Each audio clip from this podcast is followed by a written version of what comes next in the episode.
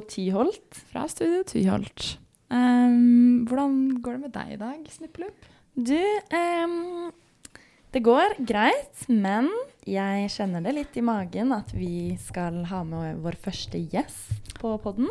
Ja, det er litt interessant. I går var jo du den som var superkalm og ikke stressa i det hele tatt og roet meg ned. Men nå føler jeg ro rollene kanskje har snudd litt.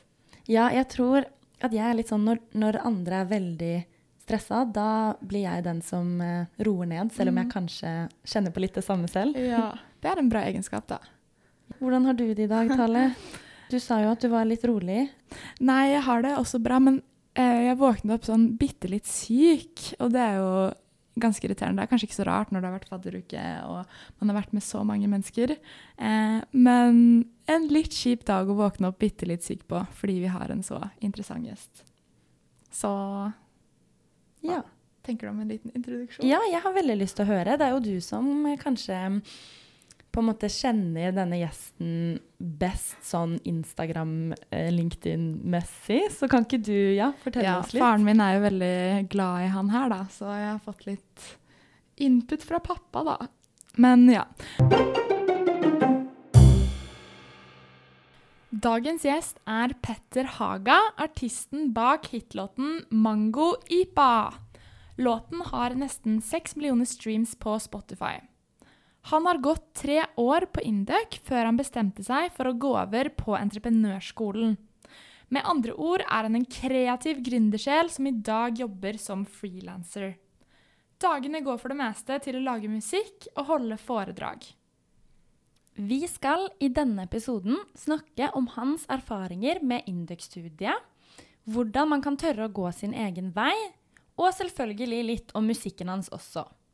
Så nå gjenstår det bare å ønske han hjertelig velkommen. Ikke gi meg noe skvipa! Gi meg noe mangoipa!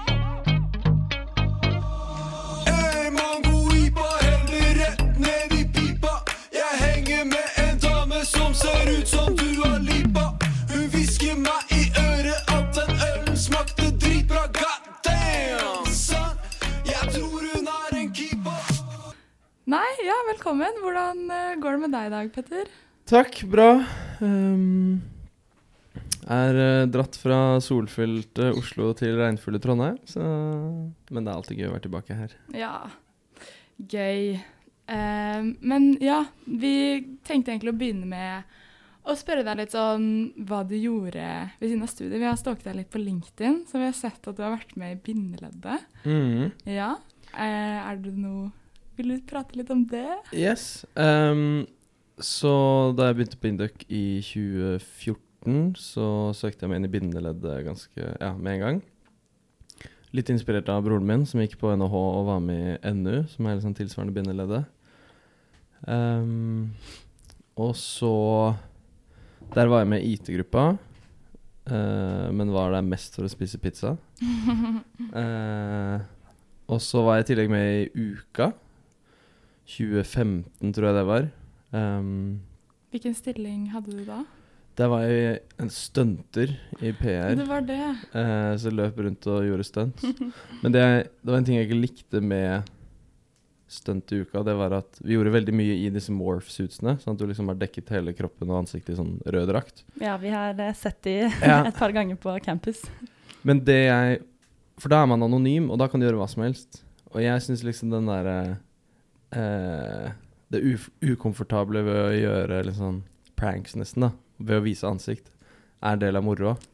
Ja. Eh, Det har jeg faktisk tenkt litt på også. Så når jeg har tenkt på å søke stunt, men så er det sånn, ah, så kjedelig at man ikke ser at det er meg. ja, ja. Ja, det er veldig interessant. Det har jeg egentlig aldri tenkt over. Men det gir jo veldig mening at sånn, da tar man litt bort den derre Ja, det eh. rushet, på en måte, da. Da, kan- da kan du på en måte være hvem som helst. Sånn, Ja. Da kan ikke du bringe noe ekstra, eller sånn. Men fikk du muligheten til å påvirke litt, at dere kunne gjøre noen andre ting også, eller? Da jeg var med, så husker jeg det var litt sånn De morsomme tingene tok på en måte lederne i gruppa. Og jeg var Mm. kommet inn sånn et av de siste batchene, eller hva de kaller det. Um, vi hadde ett stunt hvor vi skulle promotere Major Lazer-konsert i Dødens Dal. Uh, hvor jeg gikk inn i en forelesning, og Og dette var da heldigvis uten uh, forkledning. Og så skulle jeg bare sette meg på en rad, og så satt jeg der i sånn fem minutter. Og så trykket jeg på eh, ringetonelyden på mobilen. Og så lot jeg det ringe litt. Og så tok jeg opp mobilen og så er sånn Hei, det er Petter. Nei, nei, du forstyrrer ikke.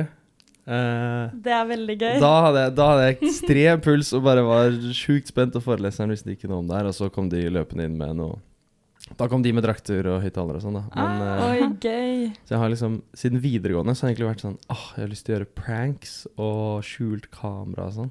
Mm, ja, Har du fått gjort det, da? Har du fått gjort noe Nei, jeg har ikke det. pranks? Men kanskje nå fremover, faktisk. Ja, ok.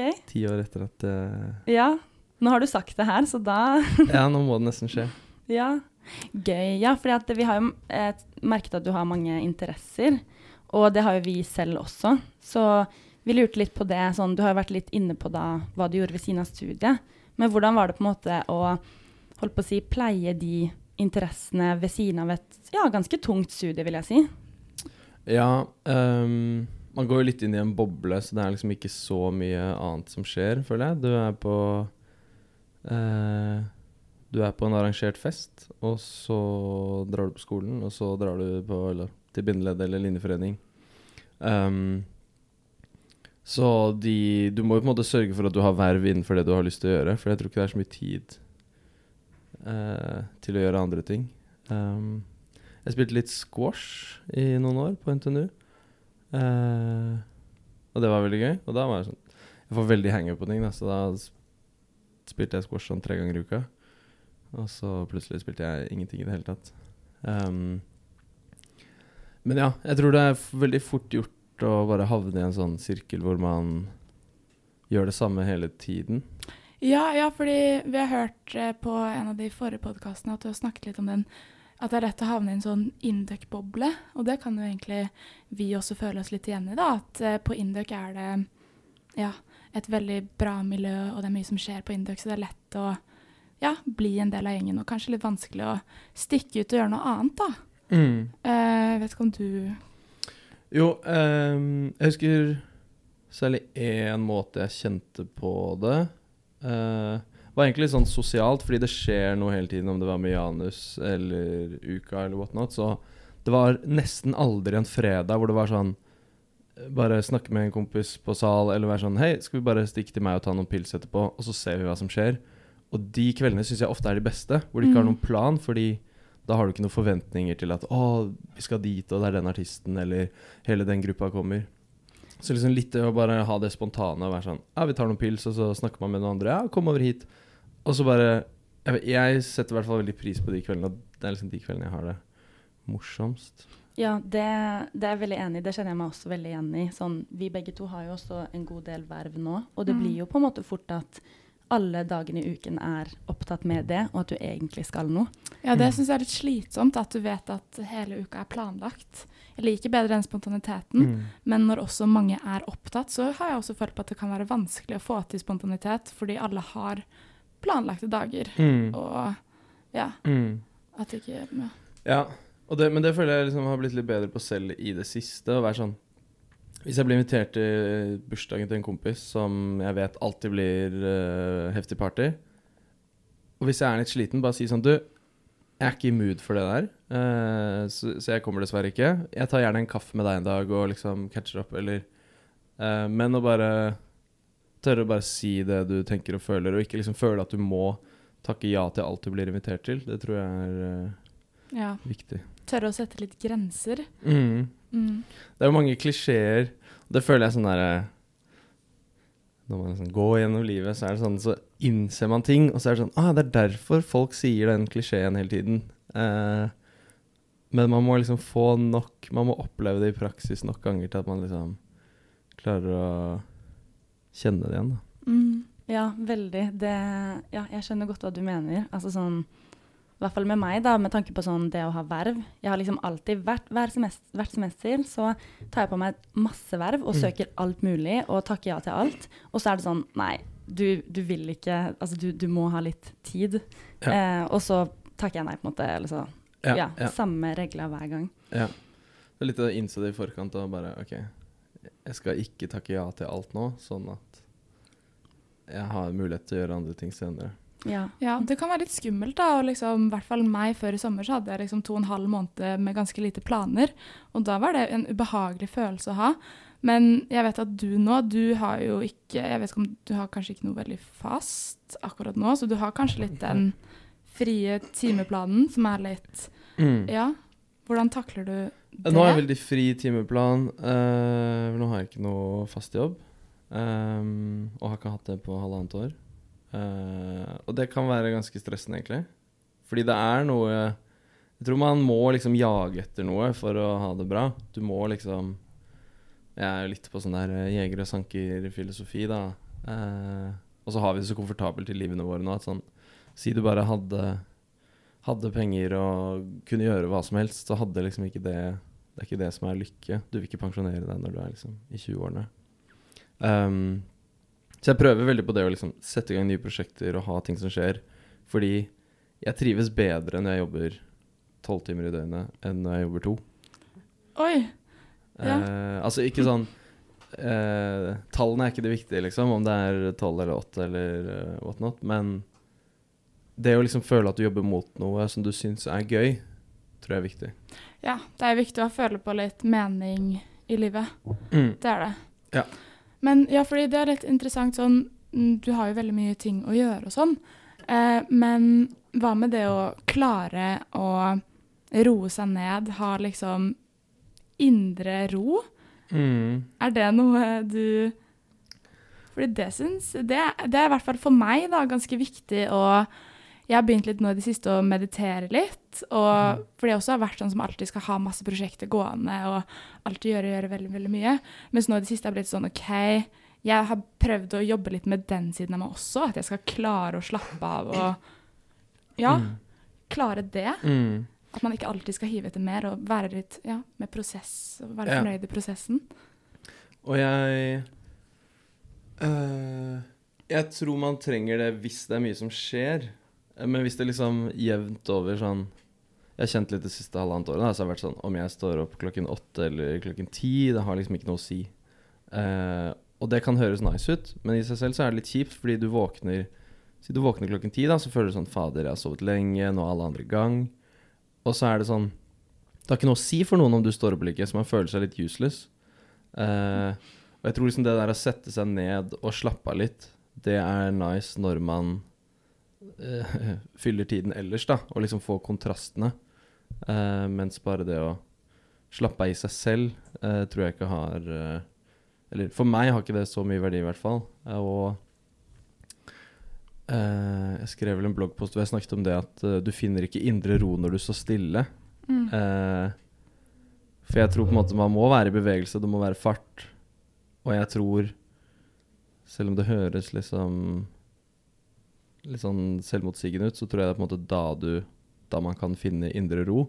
Og det er litt sånn tilbake igjen til det der jeger og sanker at du måtte jakte mat. Du måtte liksom Du var alltid på hugget for å overleve, og det er vi ikke i dag. Uh, så jeg tror liksom Sånn jeg ser det, så er steady staten et sted hvor du og Det fins ikke noe steady state, men liksom i tilnærmet grad så er det hvor du faktisk skjer mye, men du klarer å balansere det med å liksom slappe av i, i de mengdene du selv trenger, om det gir mening.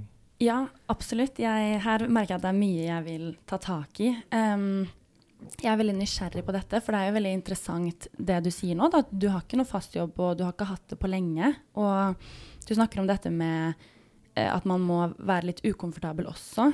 Eh, og mm, jeg vil bare si at eh, ja, jeg skjønner veldig godt hva du mener. Jeg henger med på det at det er jo på en måte ikke noe helg uten Altså uten en arbeidsuke. Det er ikke bra, det er ikke helgefølelse hvis du har det hele tiden. Mm. Eh, og jeg lurer litt på hva er det du gjør Hva er det i hverdagen din som på en måte er det du kaller ukomfortabelt? da? Er det det at du jobber tolv timer om dagen, eller hva er det du Hvilke grep er det du eh, tar?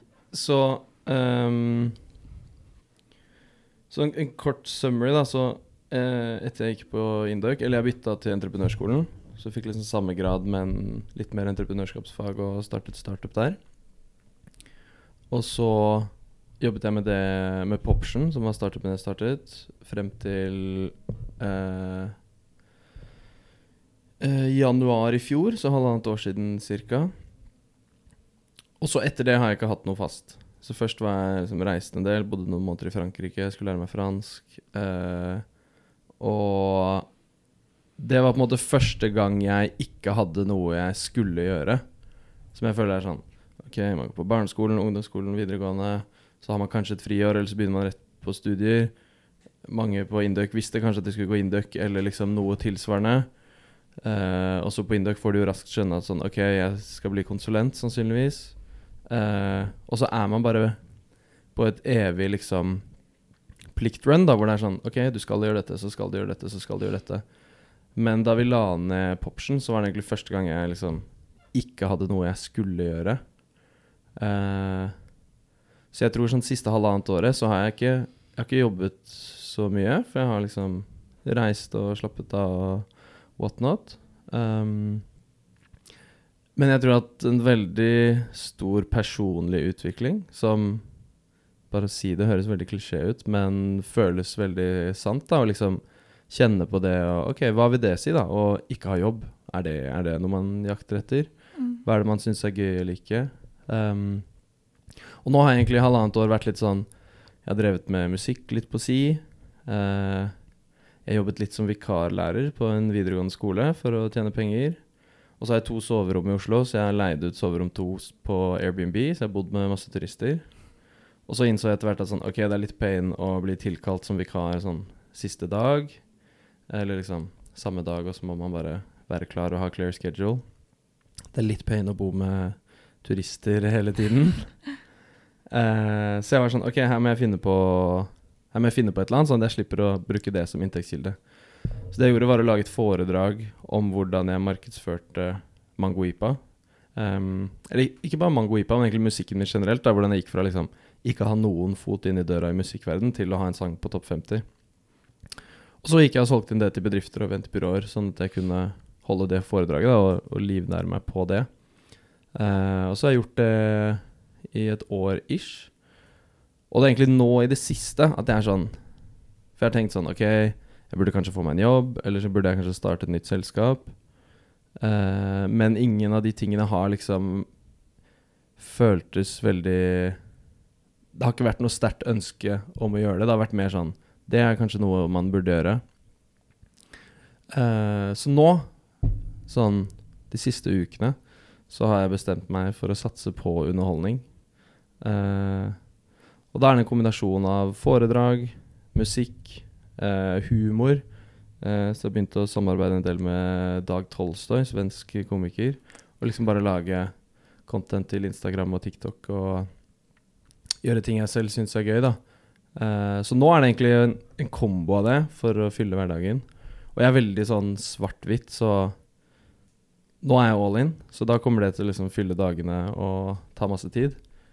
Uh, men når jeg liksom ikke er all in, så skjer det ingenting, da. Eller liksom veldig lite. Det var, det var en lang omvei, og jeg vet ikke om jeg kom frem til svaret på spørsmålet engang, men Jo, altså eh, Nå syns jeg du snakket om egentlig også igjen ganske mange ting jeg har lyst til å eh, prate mer om. Eh, men i hvert fall én ting som var ganske interessant, er du snakker litt om det løpet, det tredemølleløpet litt. At man alltid skal hive ut mer og sånn. Men nå når du først fikk denne pausen, at det kanskje var da du fant ut sånn eh, Oi, det er humor, og det er det jeg har lyst til å drive med. Eh, men nå har du jo hatt fri før du på en måte har turt å ta det steget. Og i hvert fall for å vri det litt over mot inndøkkere igjen, da, så er det kan jeg føle at det er mange inndøkkere som ikke tør å ta det steget. Her er det veldig på liksom internships om sommeren, winternships, altså rett Mm. på ny jobb i McKinsey når du er ferdig. Eh, er det, har du noen tips til hvordan man skal tørre å ikke følge strømmen? Altså om Det er et ekstremt karakterpress på Indøk. Hvordan er det man skal Ja. Mm. Så jeg har mange tanker om det her. Uh, bare se hvilken ende jeg skal begynne i. Uh, så jeg har, jeg har lenge vært, vært litt, uh, kall det hater, da, på konsulent og liksom det tradisjonelle løpet. Og så er ettersom jeg har tenkt mer på det, så er det jeg er, ikke, altså jeg er på ingen måte imot at folk begynner i konsulentverden. Eh, eller altså sånn You do you, liksom. Alle får gjøre akkurat det de vil. Men jeg tror mange hadde hatt godt av å ta et steg tilbake, se på mulighetene. OK, hva kan jeg faktisk gjøre? Hva er det jeg trives med?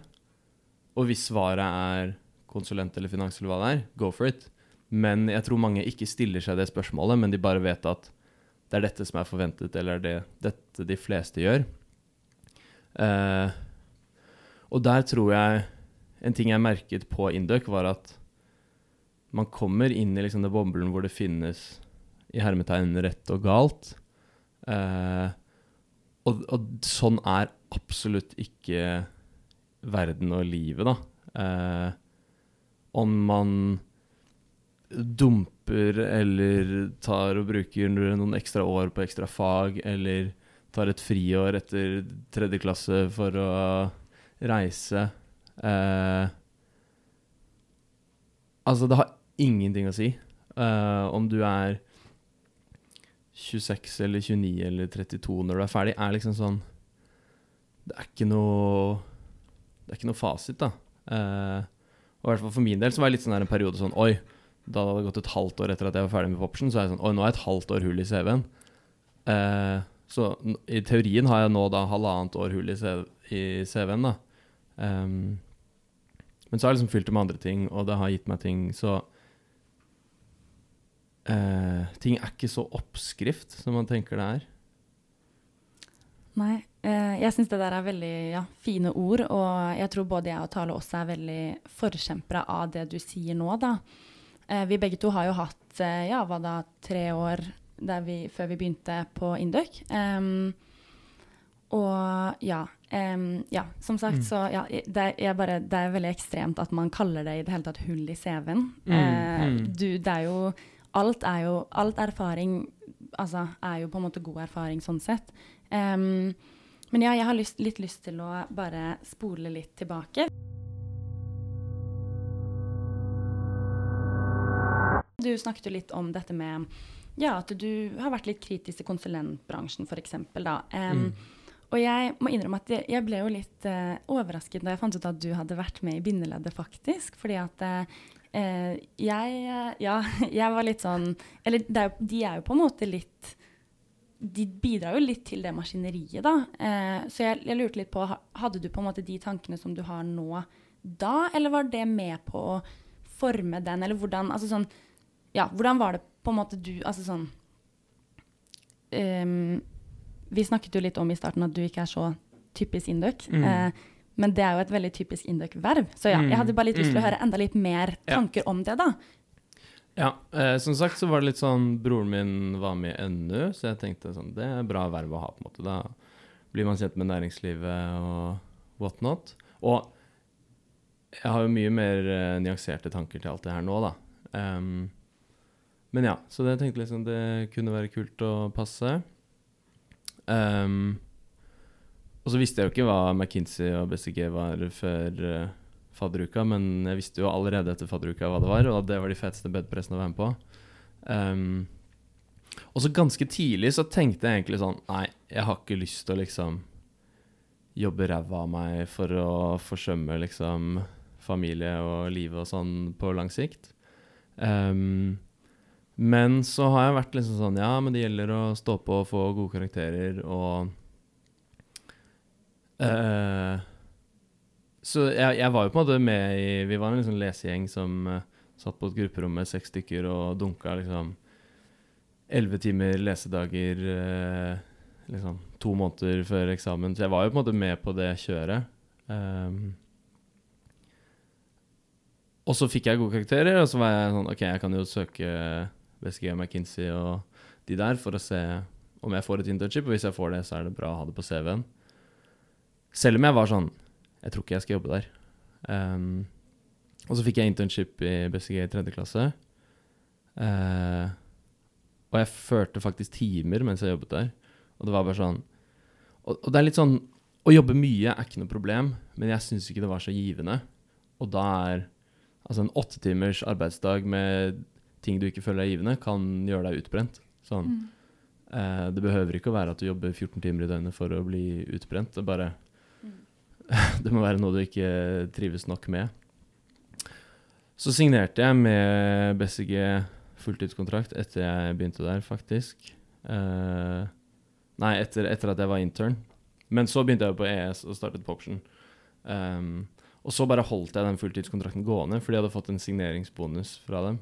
Jeg vet ikke om de gjør det nå lenger, men da eh, Så hvis jeg liksom sa at nei, jeg kommer ikke til å begynne, så måtte jeg tilbakebetale det. Så jeg pusha det så lenge som mulig. Det er Um, veldig gøy. og så tror jeg sånn Etter at jeg har vært med på liksom fire julebord og tre sommerfester, så var de sånn Nå tror vi kanskje ikke du kommer til å begynne. um, så nei. Um, det har vært en uh, reise.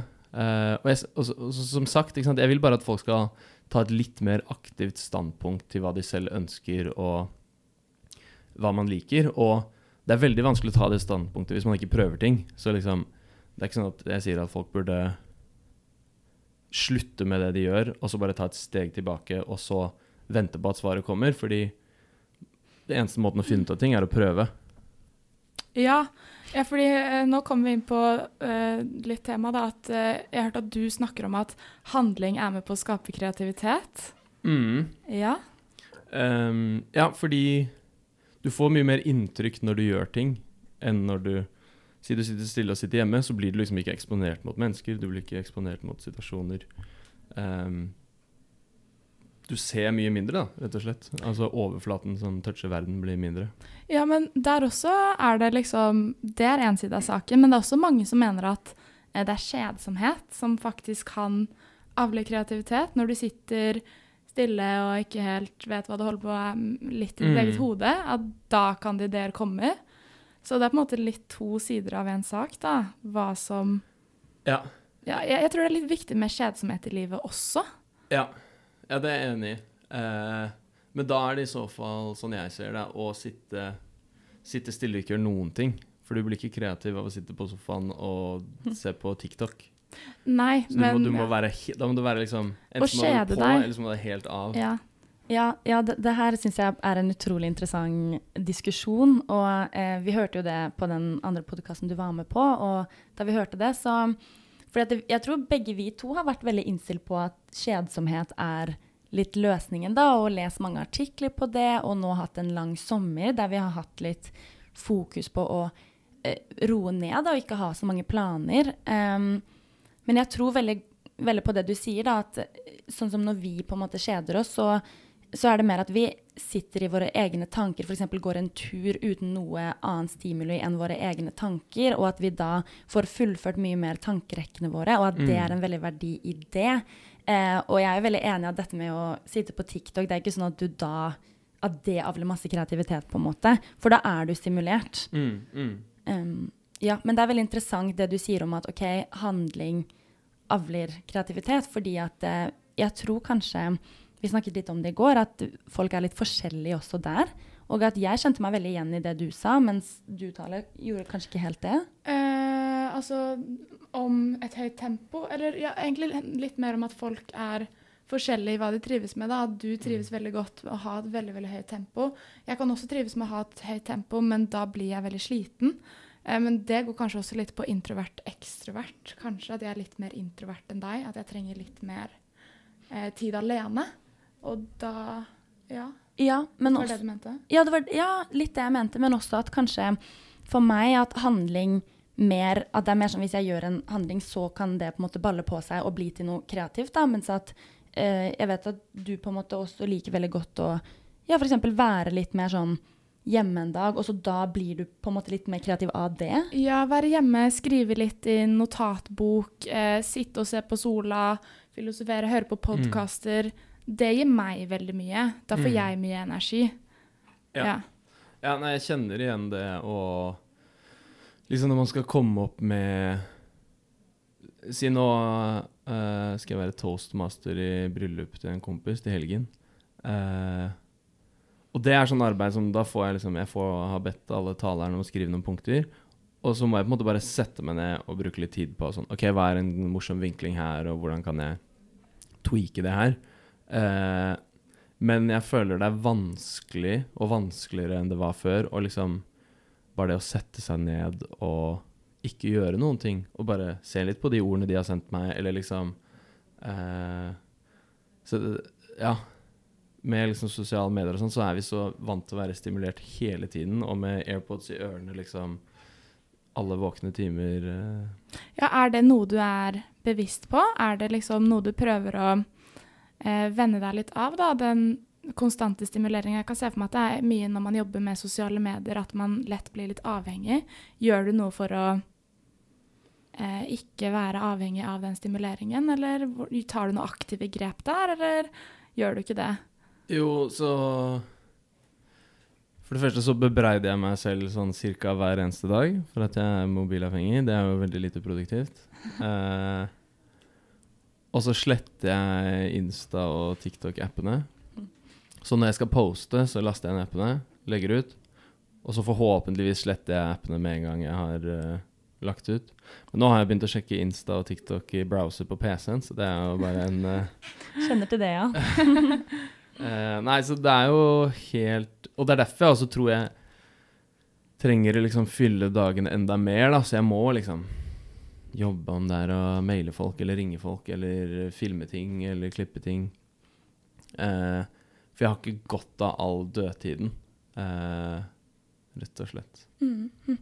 Det er veldig interessant. Um, vi kjenner jo også oss veldig godt igjen i dette, denne oppmerksomhetsøkonomien holdt jeg på å si, som vi lever i. Um, og jeg, har, jeg bare, tanken slo meg litt nå om dette med å ha det som jobb, da. For det er jo, vil jeg, eller det er jo en eh, stor del av jobben din, det å være på sosiale medier. Vi har jo fulgt, deg, har jo fulgt med litt der på Instagram. Eh, hvordan er det? Da kan du på en måte aldri legge det fra deg. Mm. Jeg har tenkt en del på det, fordi jeg tror det er veldig stor forskjell på creation og consumption. Så liksom å lage ting versus å konsumere.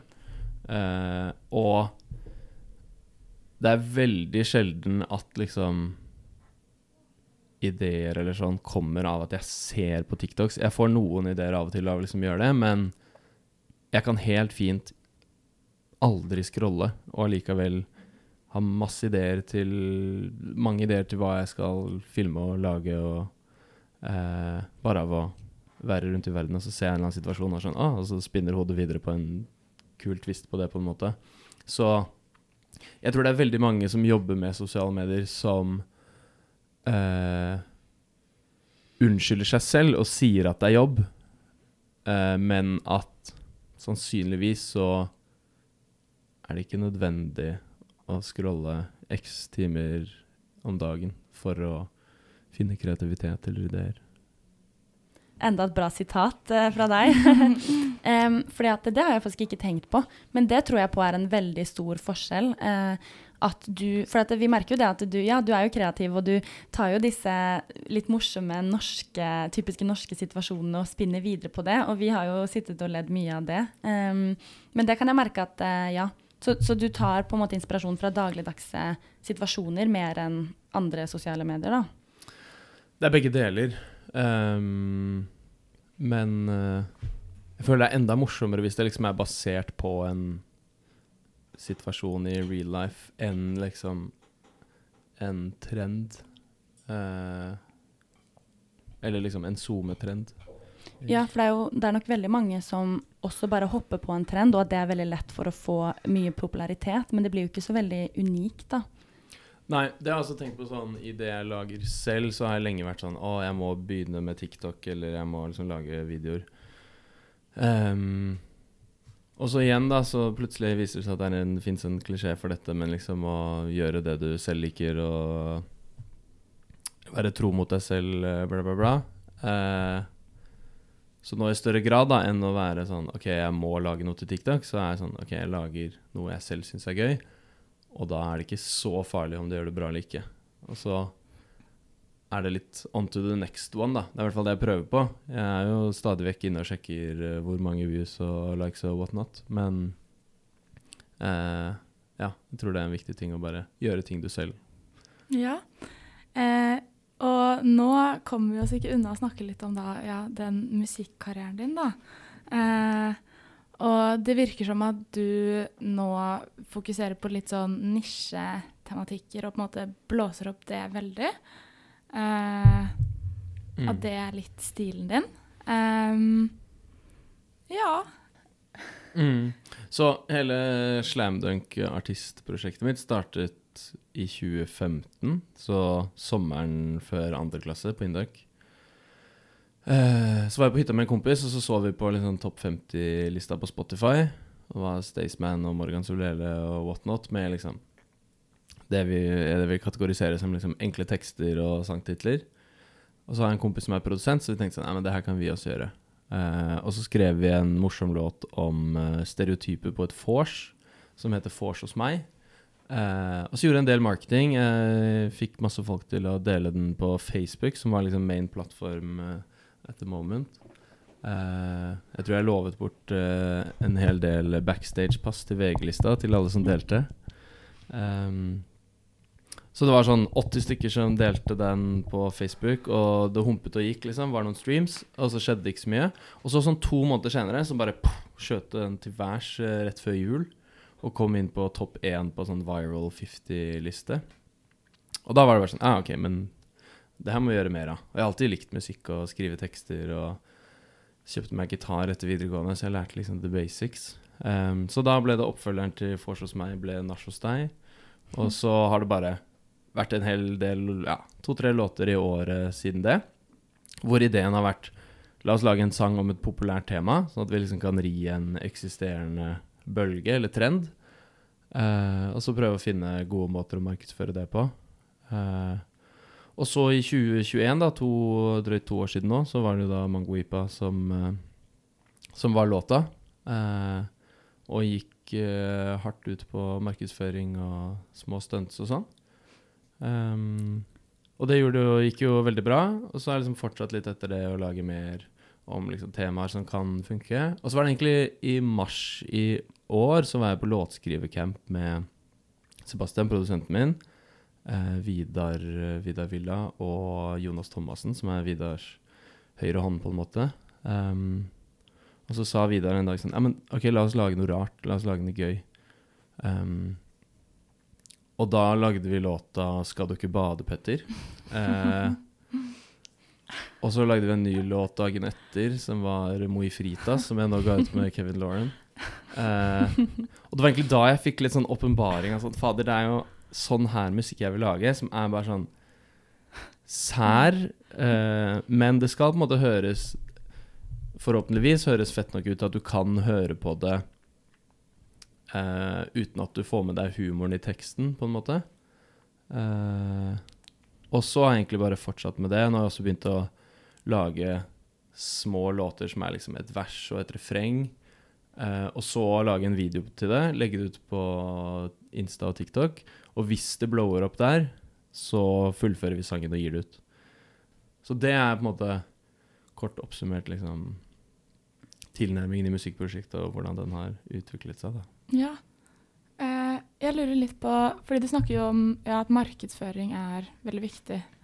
Eh, og så i mm, i de foredragene dine så har du snakket litt om at du driver med analytisk markedsføring. Og for å dra det litt tilbake til sånn Induc, da. Føler du at eh, Induc-graden din har hjulpet deg med denne analytiske markedsføringen her du er i dag? Eller føler du at, liksom, at du fint kunne klart deg uten Induc-graden? Er liksom, har det vært viktig for deg å gå Induc med tanke på markedsføring og der du er i dag, eller er det litt sånn ja ja? Godt spørsmål. Um, det har kanskje hjulpet i liksom det fundamentale, bare det å kunne bryte ting ned og se på de liksom individuelle elementene. Men jeg, jeg tror jeg har fått enda mer ut av å drive eget selskap, f.eks. Hvor man Ja, man har liksom praktiske oppgaver på skolen og sånn, men det er først når du liksom ser at OK, vi kommer ikke til å tjene penger hvis ikke vi liksom får kunder på det produktet her. How do we go about that? Um, og det er egentlig samme approachen i musikk. Det er jo å drive et uh, lite kreativt selskap, på en måte. Um, så jeg vet ikke om jeg liksom kan attribuere sånn én til én det at jeg gikk uh, Induc, men jeg tror Jeg tror det har vært nyttig for å liksom få bedre forståelse for businessverden og uh, hele den biten. Og der tror jeg jeg har en fordel da, i forhold til mange andre artister eller kreative, at eh, jeg forstår liksom i hermetegn business bedre, som gjør at jeg lettere skjønner hva ønsker eventbyråene, hva ønsker agentene, hva ønsker plateselskapene, sånn at jeg kan tilnærme meg folk på en mer effektiv måte, da, som gjør at jeg kanskje får en høyere liksom, treffprosent på det jeg ber om eller prøver på. Hvis jeg nå svarte på spørsmålet ditt. Ja, ja nei, det, det er jo veldig interessant. Vi merker jo veldig nå at du på en måte er veldig inni det og har ja, fått ganske god kontroll eh, på dette. Men em, jeg lurte litt på, fordi ja, vi har jo hørt på deg og eh, på en annen podkast, og da husker jeg at du nevnte at eh, den første låten din som på en måte faktisk hittet av, var den 19. du prøvde på. Eh, og det syns jeg var veldig interessant, fordi jeg tror, ja, for å igjen dra det tilbake til Induk, da, at det er nok um, Vi kan jo kjenne oss igjen i det selv, og du også kanskje tilbake i dine dager på Induk, at det er ganske mye motgang. Eh, Mm. hvordan, altså sånn Kan du si litt om hvordan det er å på en måte stå i motgang, da, og jobbe, jeg holdt på å si jobbe for noe, og så endelig Mm. Ja. Ehm, det er kanskje litt det å innse at uh, det meste er et maraton og ikke en sprint, liksom. Det er et langt løp. Uh, og ja, Mangoipa var liksom 19. sang, og vi prøvde igjen og igjen og igjen. Men vi hadde det også gøy på veien, så det er ikke sånn at vi ser på de første 18 som liksom failures.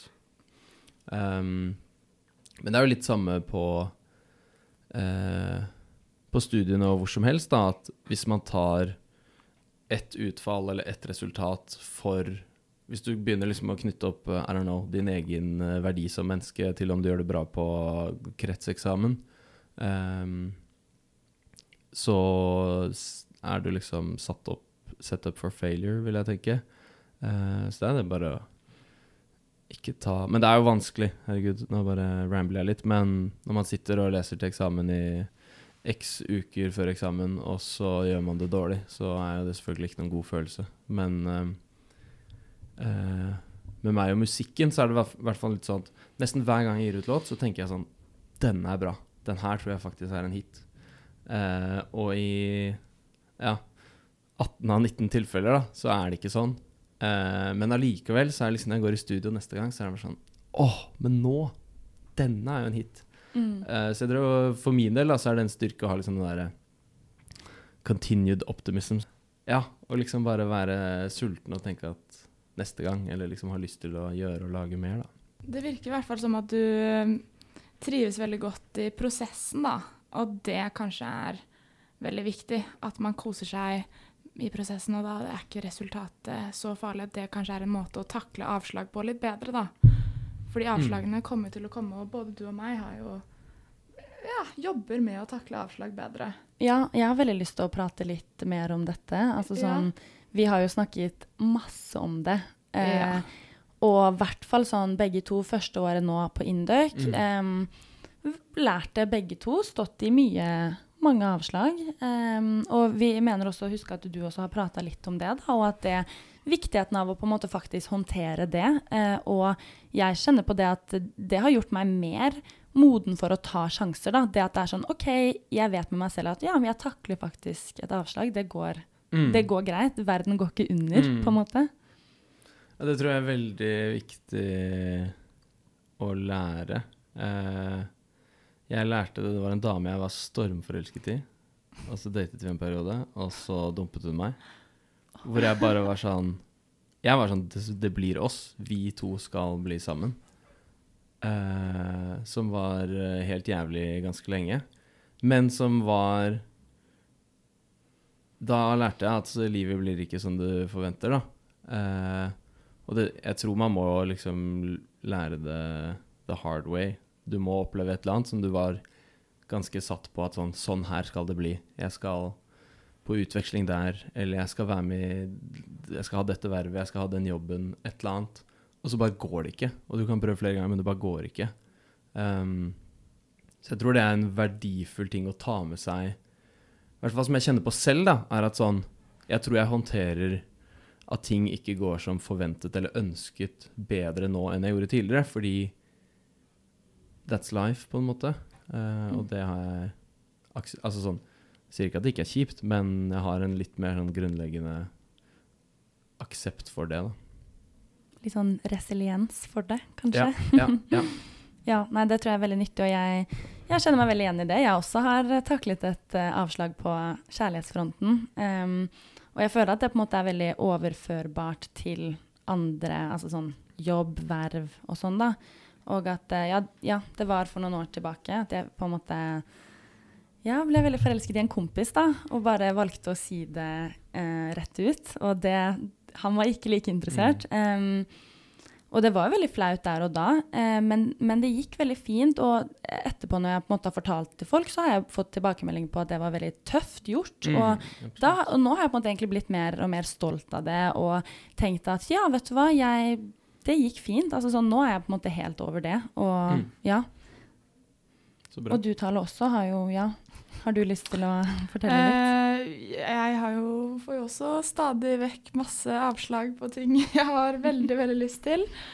Eh, og det er jo kjempetungt.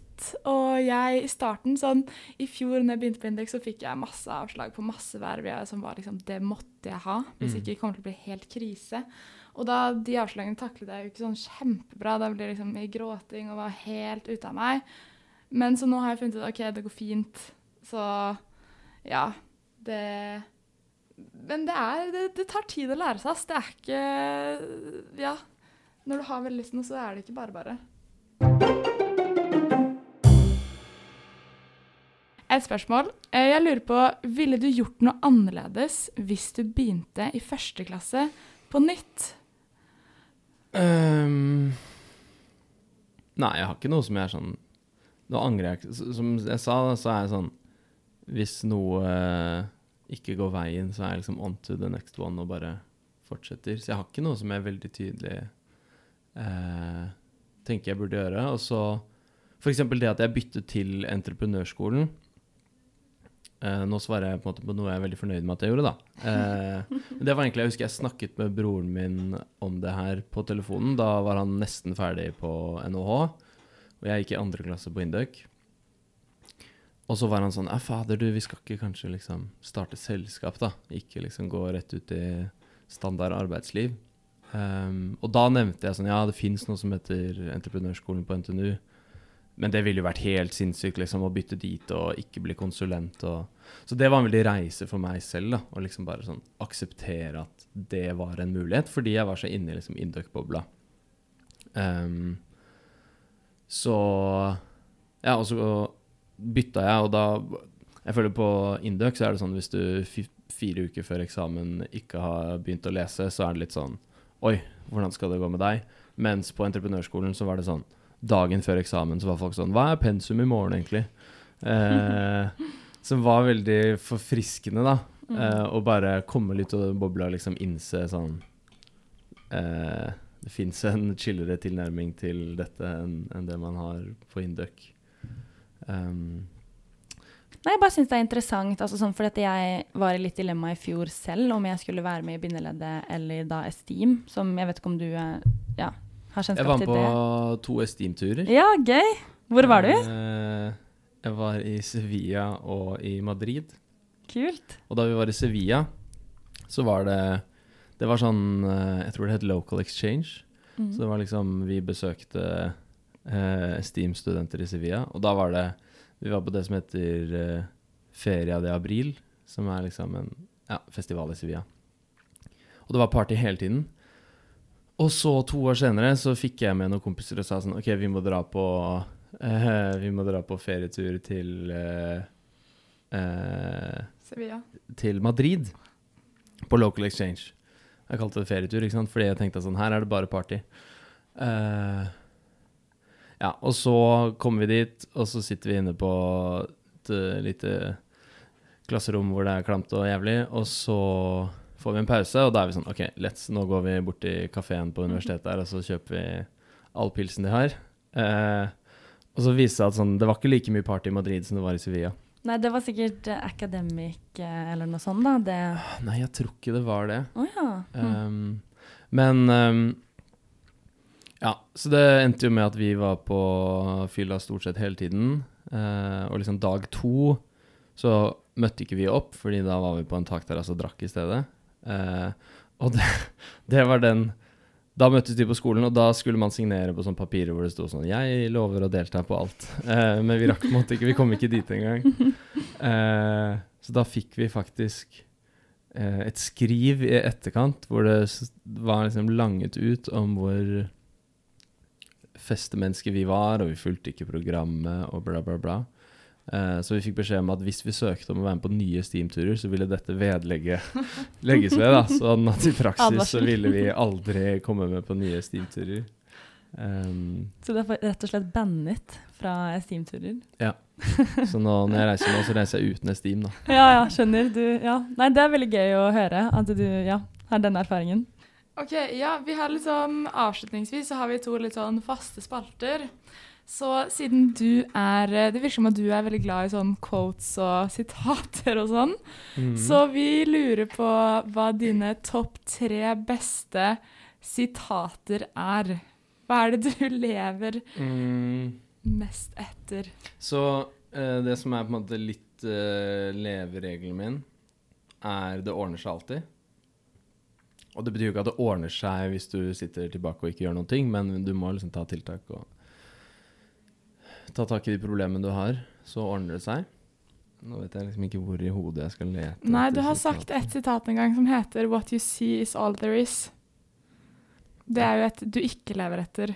Du sa det eh, at man snakker om eh, at du ser 'Å, herregud, eh, hun får til det, hun får til det, hun får Ja. til det'.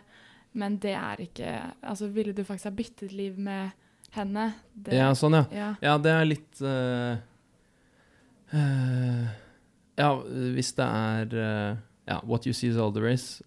Som du sier, da, jeg er på en måte litt mer motstander av det, men sånn, hvis Mm. du ser på Instagram, så er det liksom alle ser ut som de har perfekte liv, eller de fleste, og så hører du om en eller annen i klassen som bare får gode karakterer. Men plutselig så er det her folk som ikke har det bra med seg selv, ikke har det bra i relasjoner, er ensomme.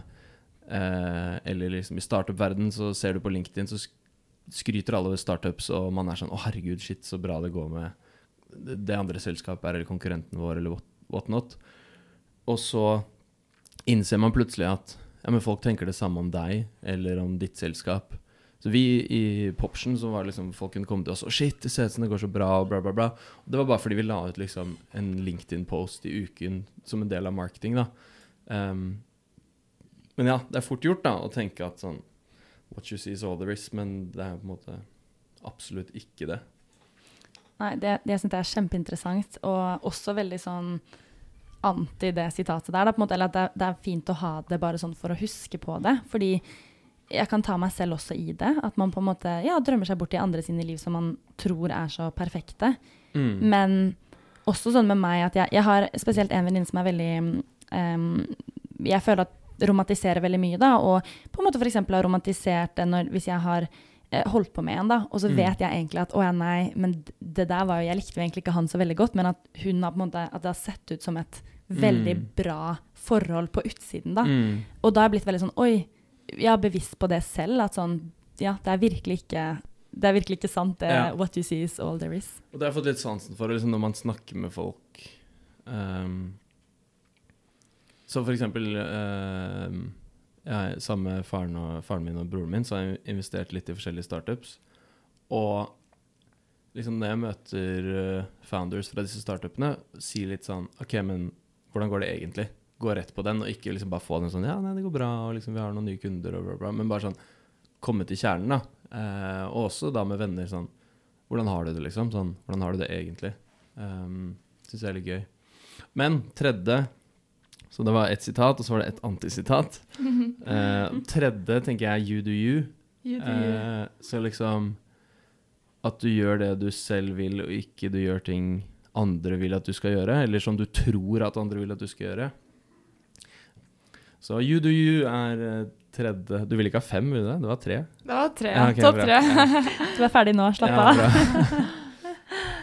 Nei, veldig bra. Jeg um, syns det er veldig bra sitater som jeg også kan stille meg bak. Um, så ja, det siste vi Det der var jo vår da, faste spalte. Og så tenker vi også å ha en annen morsom greie, som er at du nå får et spørsmål fra oss. Og så skal du stille et spørsmål til neste gjest, som du da ikke vet hvem er. Som neste gjest skal svare på. Mm. Ja, og du, siden du da er vår første gjest, så får du et spørsmål av oss, og vi visste jo åpenbart hvem som var neste gjest. Eh, så ja, hva er vårt Ja, spørsmål, Tale? vi lurer på hva er din favoritt selvlagde låt, og hvorfor? Oi, oi, oi. Det er eh, Jeg har en sang som heter Ruf. R-u-u-f. Og den er faktisk litt inspirert av Esteem-turen til eh, Madrid. Uh, hvor vi gikk fra rooftop bar til rooftop bar. Uh, som er litt sånn funky disco-låt. R-u-u-f. Eh, men den, den har ikke gjort noe bra. Men den er litt sånn på liveshows og sånn, så har jeg av og til tatt med den uh, i konserten fordi jeg vil at den skal bli en hit, da. Uh, men den blir jo ikke det. Så gøy, nå får den enda en shout-out, da. Ja. Så alle sammen må gå inn og høre på den. Det skal i hvert fall jeg nå etterpå. Det må du gjøre. Ja, dere kan jo høre litt av den nå. Vi kom hit for å drikke, hatere kan stikke. Danser, se meg vrikke, så DJ la det klikke. Ruf, ruf, helt på topp. Alle her er sjampis i sin kopp. Bli med oss på rull. Regninga er stor og flaskene er svære. Stikker bort til karen, så drikker vi oss pære. Ruff, ruff, ruff, ruff. Nei, men bra. Ok, det var det spørsmålet du fikk. Og så skal jo du da komme med et nytt spørsmål.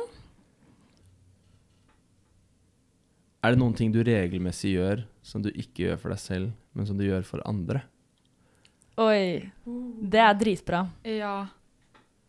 Vi gønner det. Vi prøver det. Ja, det, det var kjempebra. Det var et veldig kult spørsmål. Det, Mm. det gleder jeg meg veldig til å få noen til å ja, tenke over. De kommer til å måtte gruble, føler jeg, Ja. på det spørsmålet her. ja. Men uh, ja. Ja. Nei, eh, tusen takk for at du hadde lyst til å komme hit til oss og være gjest på Typisk Indøk. Jeg tror eh, alle som hører på denne podkasten, setter veldig pris på det. Du er jo en anerkjent profil på Indøk. Det er gøy å høre. Nei, men eh, takk for muligheten. Det er gøy å komme tilbake og dele litt tanker og treffe, treffe studenter og ja. Veldig gøy å ha deg med. Så eh, tusen takk for nå. takk for nå. Vi ses på Spotify. Jeg kaster fisk tilbake i vannet. Jeg kaster fisk tilbake i vannet, jeg ble blokket av mamma. Prøvde å si at verden brenner, hun ble bare forbanna. Og er én ting jeg ikke liker med mitt speilbilde. No filter ser ikke ut som det er meg i det. Situationship forever, dama kaller meg pappa. Åtte timer skjermtid, klarer aldri å slappe av. Verden som var god, switcha opp og ble fucka. Fake news streamer bedre enn fakta. Eksistensiell jeg vet om ti ting som får meg til å føle meg bedre, men jeg velger alt det andre i stedet. Eksistensiell er på tredemølle, løper for livet. Tidlig ute, men kommer aldri i tide.